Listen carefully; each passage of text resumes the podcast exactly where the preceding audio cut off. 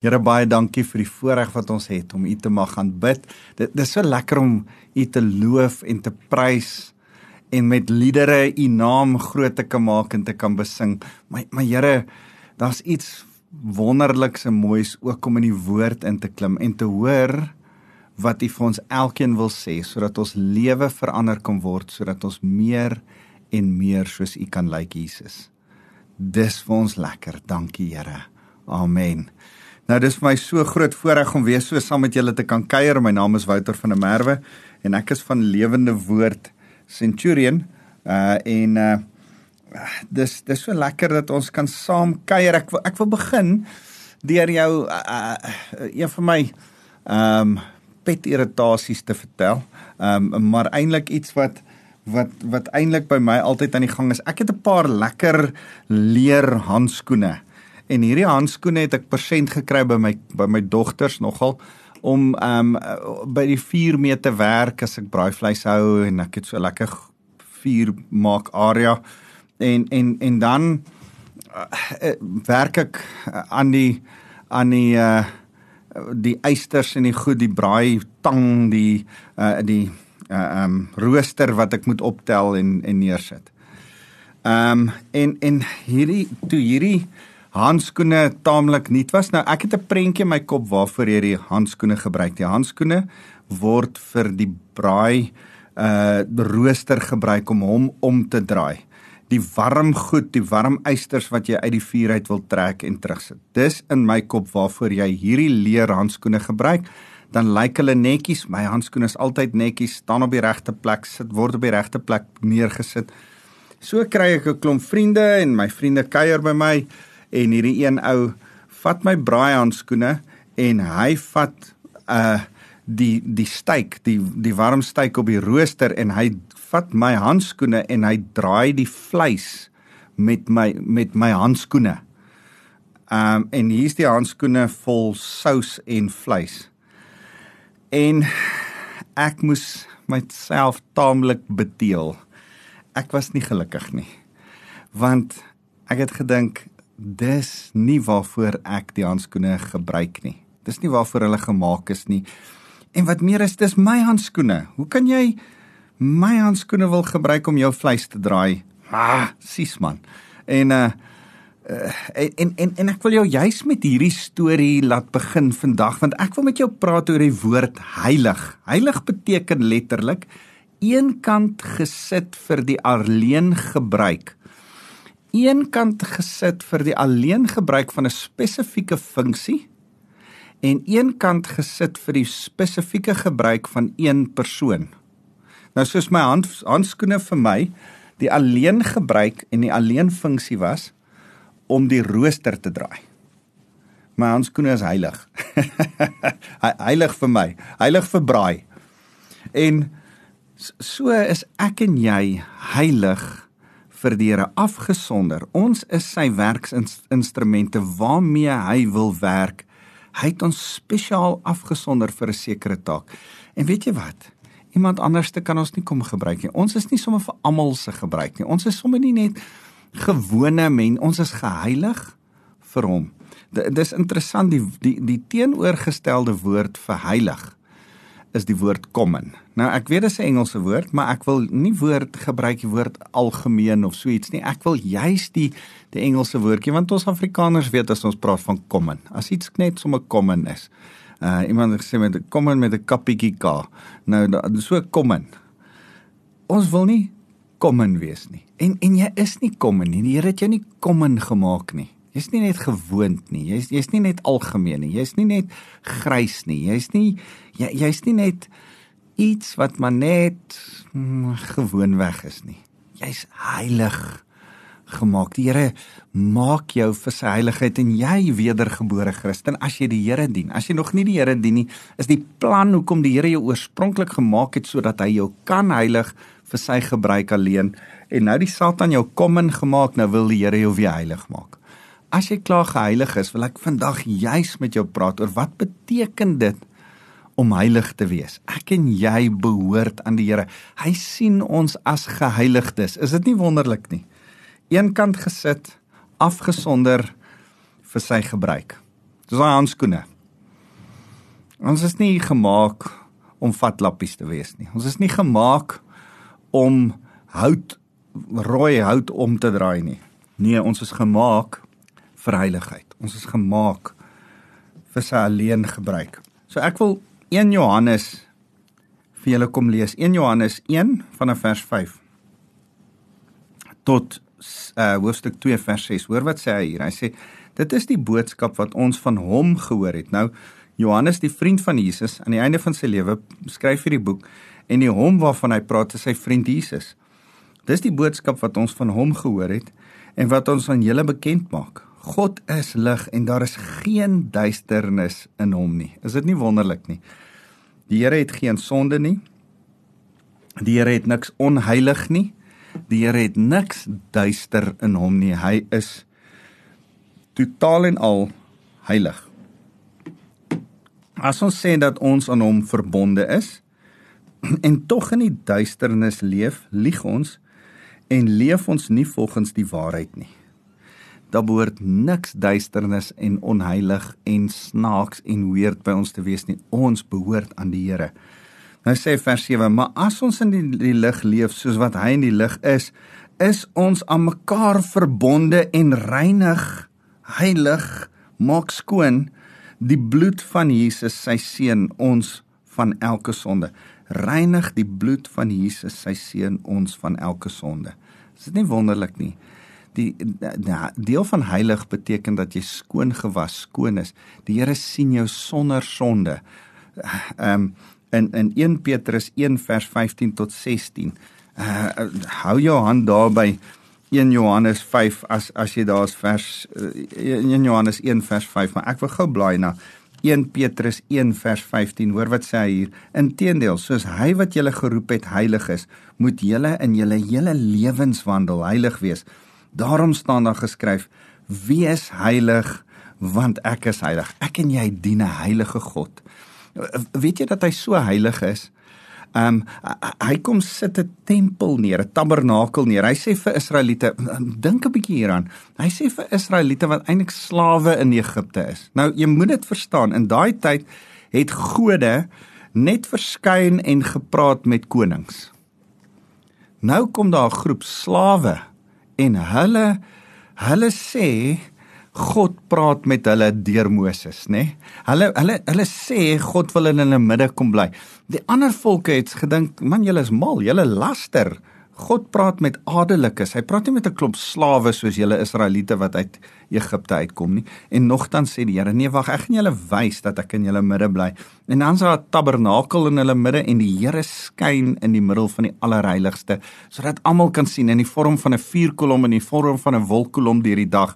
Die Here is daar tussen hulle. En dis so wonderlik. Die Here wil met sy mense wees, selfs slawe wil hy mee wees maar hy's so heilig dat niemand behalwe die hoëpriester eenmal 'n jaar in die allerheiligste in sy teenwoordigheid kan ingaan nie. Want die Here is heilig. En hy sê omdat hy heilig is, kan hy geen sonde in sy teenwoordigheid toelaat nie. Nou het hy 'n plan gemaak. Nou het hy die bloed van Jesus Die een wat totaal en al heilig is. Jesus is die heilige sonder sonde en in ons plek gaan sterf hy en op grond van die bloed van Jesus Christus mag ek en jy nou in die Here se teenwoordigheid ingaan want hy sien nie meer sonde nie. Hy sien die bloed van Jesus wat ge, gewas is, wat ons skoon was, wat wat daar is vir ons sonde. Man, ek en jy staan nou skoon voor die Here. Hy sien ons asof ons nie sonde het nie. En dis wat hy hier sê. Hy sê uh die die, die bloed reinig ons die, sy seun uh se bloed reinig ons van elke sonde. Vers 8 sê as ons sê dat ons nie sonde het nie, mislei ons onsself en is die waarheid nie in ons nie. So die Here maak ons skoon en hy sien ons totaal en al skoon en nog steeds het ons goedjies. Ons moet weet ons het dit, maar wat doen ons nou daarmee? Hoor wat sê in vers 9. As ons ons sondes bely, is hy getrou en regverdig en daarom sal hy ons ons sondes vergewe en ons van alle kwaad reinig. Die Here se bloed is vergewe uh gestort om jou te vergewe van jou sondes wat jy gehad het in die verlede totdat jy tot bekering gekom het. Maar ook vir die sonde wat jy intussen tyd gedoen het en ook vir die sonde wat jy nog gaan doen. Hoor wat sê in vers 10. As ons sê dat ons nie gesondig het nie, maak ons hom tot leenaar en sy woord is nie in ons nie. Hoofstuk 2 vers 1. My kinders, ek skryf hierdie dinge aan julle sodat julle nie moet sondig nie. En wanneer iemand sondig, het ons Jesus Christus die regverdige as parakleet by die Vader. En hy is die verzoening vir ons sondes en nie net vir ons sondes nie, maar ook vir die van die hele wêreld. Is is, is dit nie wonderlik nie? Ah, moenie sondig nie, wees heilig. Maar as ons sondig, dankie tog vir daai woorde van die Here, van genade vir my en jou. Maar as ons sondig, dan dan kom die Here en gee vir ons 'n plan en sê hy weet jy wat, bely jou sonde. Vra vir die Here. Ehm um, staan weer voor die Here. Uh, hy sê as ons ons sonde bely, is hy getrou en regverdig om ons ons van al ons sondes te vergeef. Vers 3 sê en dit is hoe ons weet dat ons hom ken as ons sy gebooie onderhou, hom gehoorsaam. Iemand wat sê ek ken hom, maar sy gebooie nie onderhou nie, is 'n leienaar en die waarheid Jesus is nie in hom nie. Maar wie sy woorde gehoorsaam in hom, het die liefde van God waarlik volmaak geword en hieruit weet ons dat ons in hom is. Wie sê dat hy in hom bly, behoort self ook te leef soos wat hy Jesus geleef het. Dis wat heiligheid is. Die Here kom sit is 'n 'n 'n perfekte standaard vir ons neer. 'n Vriend van my praat altyd van preferred reality. Daar's hy. So 'n uh, dis die ideale wat daar is, die lewe van Jesus. Dis hoe ek en jy se lewe moet lyk. Maar nou is daar net iets van ons as gelowiges wat baie keer nog steeds foute maak. Maar ons is geheilig, skoon, rein voor die Here en dan wanneer daar van tyd tot tyd 'n klein spatsel van 'n fout kom, dan moet ons dit afvee deur sondebelydenis en jammer te sê en dan skoon voor die Here staan. Wanneer die wêreld vol sonde bespat is, moet ek en jy vir hulle bid sodat hulle skoon gewas tot bekering kan kom en by Jesus kan uitkom. So kan ek vir jou sê daar's daar's drie goed wat ek by jou wil vasmaak. Wees rein. Ons is nie algemeen nie. Ons is nie kom nie, ons is toegewy aan die Here. Ehm um, ek ek wil vir jou ook hierdie skrif, hierdie mooi skrif lees in uh Efesiërs. Uh stel dit so mooi Efesiërs hoofstuk 5 vers 3 tot 4. Blaai gou saam met my na Efesiërs 5 3 tot 4 en sê: "Maar soos dit heiliges betaam, moet daar onder julle van onsedelik, onsedelikheid en allerlei onreinheid of gierigheid geen sprake wees nie. Ook nie van skandelikhede en dwaase en lawwe praatjies en van alles wat onvanpas is nie, maar eerder van danksegging." Kan ek en jy sê uh, ons moet vir mekaar sê, as ons rein is, gaan ons anders te begin praat. Dan gaan ons met dankbaarheid begin praat. As ons heilig is soos wat die Here heilig is, dan kom ons agter, daar's goed wat ons nie meer wil praat nie. Ons wil nie skandelike goed, ons wil nie vuil grappe, ons wil nie skinder nie. Ons wil nie ander ontbloot nie. Ons wil rein praat. Kan ek jou uitdaag? Praat rein, maar maar maar, maar dit bring my by die tweede ding wat ek vinnig by jou wil vasmaak want dit is belangrik dat ek en jy dit vir mekaar sê. 1 uh 2 Korintiërs hoofstuk 10 uh vers 5. 2 Korintiërs 10 vers 5 sê hierdie interessante ding. Hy sê uh die skans wat opgerig word teen die kennis van God. Ons neem elke gedagte gevange tot gehoorsaamheid van Christus en staan gereed om elke ongehoorsaamheid te straf tot wanneer hulle volledig gehoorsaam wees.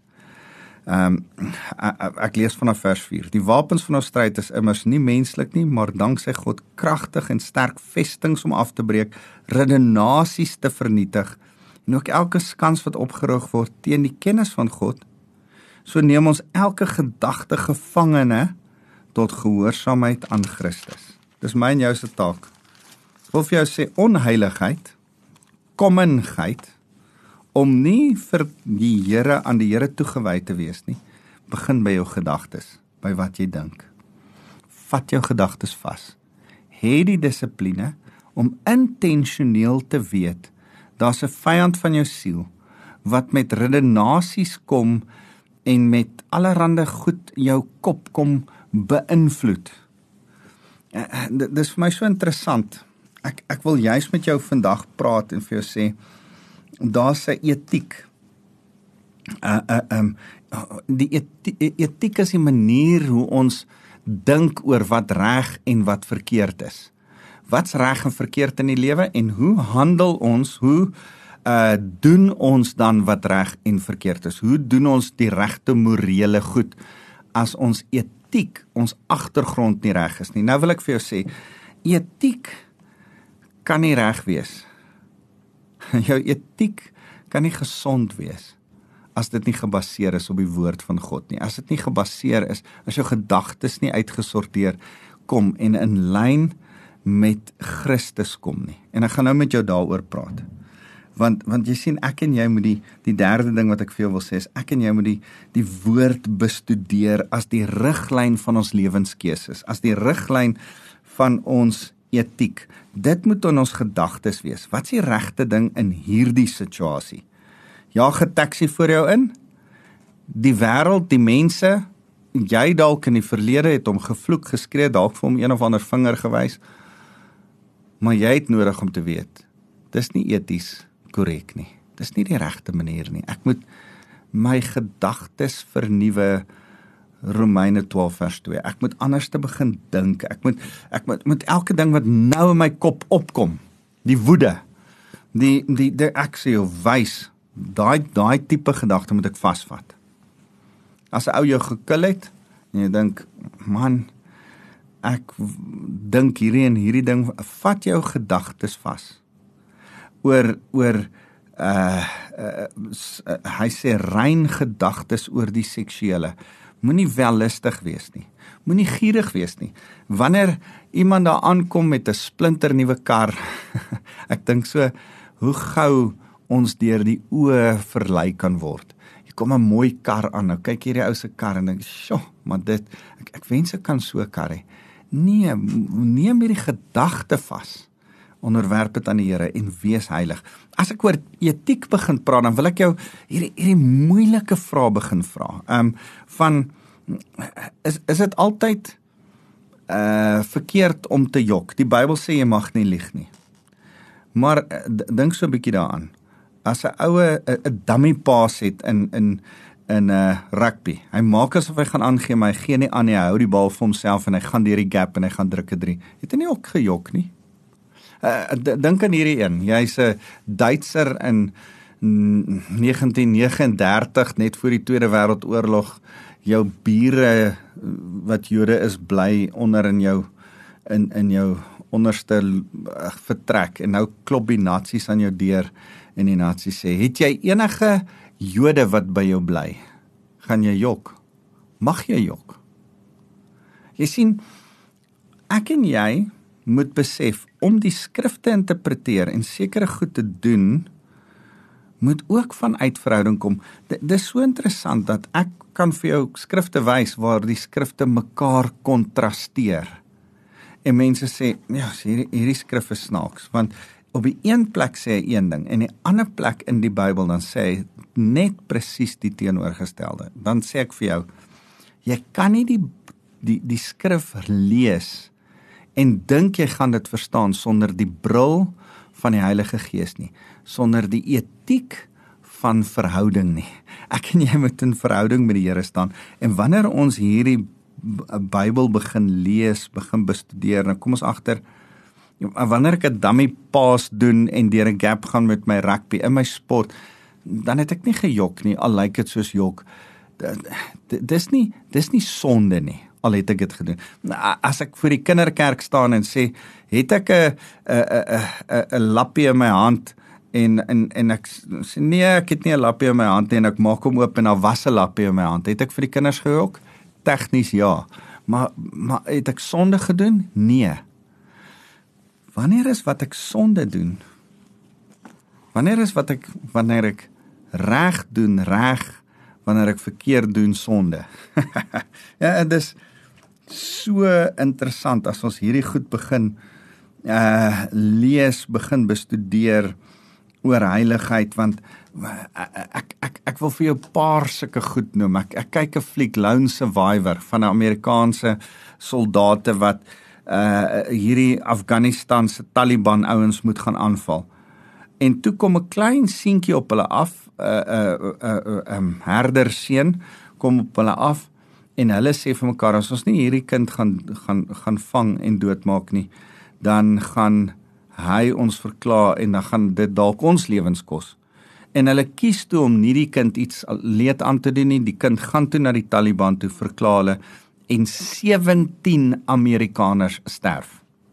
Op 'n stadium skiet hulle nog 'n helikopter ook af waarna ek dink 12 van die Amerikaners was. So 'n tragedie op die op op die, tot op heide die grootste alleen tragedie wat die Amerikaners se spesiale magte nog gehad het. en ek dink uh eties as jy nou in daai posisie was, moet hulle die kind geskiet het om 17 lewens te spaar of moes hulle die kind laat leef het? En en, en daar's sulke etiese vrae nê en en ek wil hê ons moet besef jou etiek word bepaal deur jou kultuur, jou filosofie, jou uitkyk van die lewe, ehm um, hoe jy groot geword het en ook jou godsdiens. Dis dis interessant dat ander godsdienste se se se manier van dink oor wat reg en wat verkeerd is heeltemal van ons in verskil. Daar daar's godsdienste wat sê, hoorie ek mag maar 'n ou kil. Uh ek moet hom juis probeer kil, hy moet vir afslag vra. Ehm um, en en ek en jy moet vir mekaar sê, nee, wag, die die die Bybel stel 'n ander standaard. Die Bybels uh, Psalm 119 vers 105 U woord is 'n lig vir my voet en 'n lamp vir my pad. Die, die Bybel wys ons wat's reg en wat's verkeerd. En vanuit verhouding met die Here en die Bybel bestudeer, kom ons agter, okay, maar in hierdie situasie is is die is hierdie manier van doen lei tot sonde. Maar in hierdie situasie lei dit tot 'n heilige lewe. En nou moet ons begin onderskei vanuit verhouding, maar waarby ek wil uitkom is jy moet 'n student van die woord word om die etiek van die lewe te begin verstaan. Jy moet 'n student van die woord word om heilig te lewe en reg te lewe en wanneer ek en jy heilig en reg leef, begin ons 'n voorbeeld stel. Uh, dit is so mooi vir my. Ek ek's op 'n punt waar die Here oor en oor vir my wys bid vir herlewing in Suid-Afrika. Ek glo met my hele hart dat verandering, transformasie in ons land, politieke transformasie, ekonomiese transformasie, transformasie oor oor geregtigheid, dat daar nie korrupsie sal wees nie, gaan nie gebeur deur middel van politieke partye nie. En ek sien al die politieke partye wat daar is.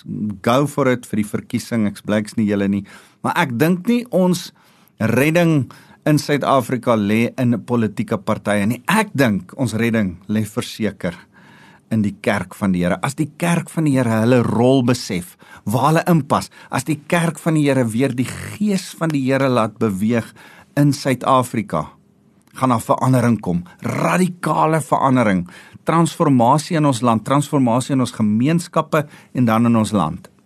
en daarom glo ek in die krag van die kerk van die Here en daarom bid ek dat voor 2024 die kerk van die Here besef waar hulle inpas en 'n herlewing kom deur die kerk van die Here en dat die Here die kerk van die Here gebruik om Suid-Afrika totaal en al te verander. Maar maar daarvoor ek het ek het so sewe stappe waaroor ek altyd gesels en ek wil gou saam met jou deur die sewe stappe gaan. Ons moet eers ons sonde berou en bely voor die Here, repentance. Dis stap nommer 1. Die tweede stap is dan moet ons bid. Here, ons bly saam bid vir herlewing in Suid-Afrika revival, Here, lyk like, soos hierdie volgende sewe stappe. Heilige Gees uitstorting in ons kerke. Here, beweeg kragtig in ons lewe, beweeg kragtig in ons kerke. Here, laat ons iets van die teenwoordigheid van die Here in ons kerke beleef, hoe dit ook al mag lyk. Die derde ding, die die die vierde ding is, Here, mag as die Here opdag in ons kerke mense na Jesus toe gelei word en ons bekeerings sal hê dat daar klomp mense na Jesus toe sal draai en Jesus as hulle persoonlike verlosser en saligmaker sal ervaar. Dit is ook hoe herlewing lyk. Hierdie vier stappe is die eerste vier stappe van herlewing. Maar dan kom daar 'n vyfde ding by. Mense moet dan geleer word, gedisipel word oor wat dit is om die Here te dien. En dan kom die sesde ding by 'n liefde vir die woord, 'n absolute liefde vir die woord van God. Ek ek ek het persoonlik vir baie lank gedink dat herlewing lyk soos 'n liefde vir die woord van God. Tot ek agtergekom het, dis die sesde stappie in sewe stappe voordat herlewing uitbreek. Want jy sien, as ek en jy gerepent het, ons het gebid, daar's 'n Heilige Gees beweging in ons kerke, daar's bekeerlinge, daar's daar's 'n uh, eh, uh, eh, uh, eh, disipelskap vir die gelowiges, toerusting van die gelowiges. En dan kom die woord en 'n liefde vir die woord oralste en dan die sewende ding is dan's daar 'n heiligheid. 'n Heiligheid in ons lewens. Ons heiligheid stel 'n voorbeeld. Dit sê, hoorie, ek vertel nie saam vuil grappe nie. Ek kyk nie na daai tipe TV-programme nie. Nee, ek is afgesonder. So daai paar handskoene net vir die Here se gebruik is ek nee nee nee nee. Ek ek doen nie sulke goed nie. Nee nee, ek ek vloek nie. Nee, ek doen nie saam ek dobbel of maak nie sulke grappietjies nie. Die Here het my eenkant gesit wat reg is is reg en wat verkeerd is is verkeerd. Ek leef heilig voor die Here. Ek beoefen die regte ding. 'n morele regte lewe. En wanneer ek dit dan begin doen, dan gebeur twee goed. Mense hou nie baie daarvan nie. Hulle vervolg jou 'n bietjie, maar tog sien hulle voorbeeld en hulle begin dit volg. Al glo hulle nie in die Here nie, sien hulle jou lewe en hulle begin dit volg. En omdat hulle dit dan begin volg, begin reformatie, transformasie, gemeenskappe verander. Kan jy dink as ons almal 'n voorbeeld is van 'n lewe en mense kom agter, o, ek kan nie my gemors op straat gooi nie. Dit kan my so plaas mense hulle hulle vuil sakke en hulle gemors net so op straat gooi. Ek en jy moet anders te wees. Ons moet net nie nie net nie ons vuil sakke op straat gooi nie. Ons moet ook die vuil goed gaan optel. Sê ons is anderste. Ons is anderste uh, jy sien wanneer een ou vuil goed op die straat gooi, gooi 'n tweede ou makliker vuil goed en 'n derde ou nog makliker en 'n vierde ou. Maar wanneer ons as Christene begin om die vuil goed op te tel, te sê nee nee nee. O, ons begin nie dit ook nie net nie doen nie. Ons begin heeltemal iets anders te doen. Dan begin dit al hoe moeiliker raak vir die ou om die vuil goed neer te gooi. Voor jy weet, help hy jou om die vuil goed op te tel. Al is hy nog nie 'n Christen nie. En voor jy weet, vra hy, "Hoekom tel jy die vuil goed op?" en dan kan jy getuig oor die Here. En dan kan jy hom kerk toe nooi. En dan kan jy maar maar, maar hier's 'n verandering in ons land nodig. En dit begin by die kerk van die Here. So myn jou se plekkie streef na heiligheid. Bid van herlewing streef na heiligheid. Dis waar ek en jy inpas in Suid-Afrika. So kom kom ons bid saam. En ons bid saam vir 2024 se verkiesing ons bid dat die kerk sal wen, nie 'n politieke party nie, 'n kerk. Die kerk van die Here en dat die hele kerk in Suid-Afrika anders te sal wees, dat elkeen sy liggie sal skyn en dat ons een groot magtige lig van Christus sal laat skyn in Suid-Afrika. Here baie dankie dat U ons lig is. In U is daar geen duisternis nie. Help ons om elke stukkie donker en duisternis een kant toe te sit, af te vee, skoon te maak, heilig te maak, toegewyd aan U te leef en te skyn op U. Here, ons wil vir U alleen leef. Ons glo in kerk. Ons glo dat kerk die antwoord vir Suid-Afrika is. Ons glo dat kerk die antwoord vir herlewing in Suid-Afrika is.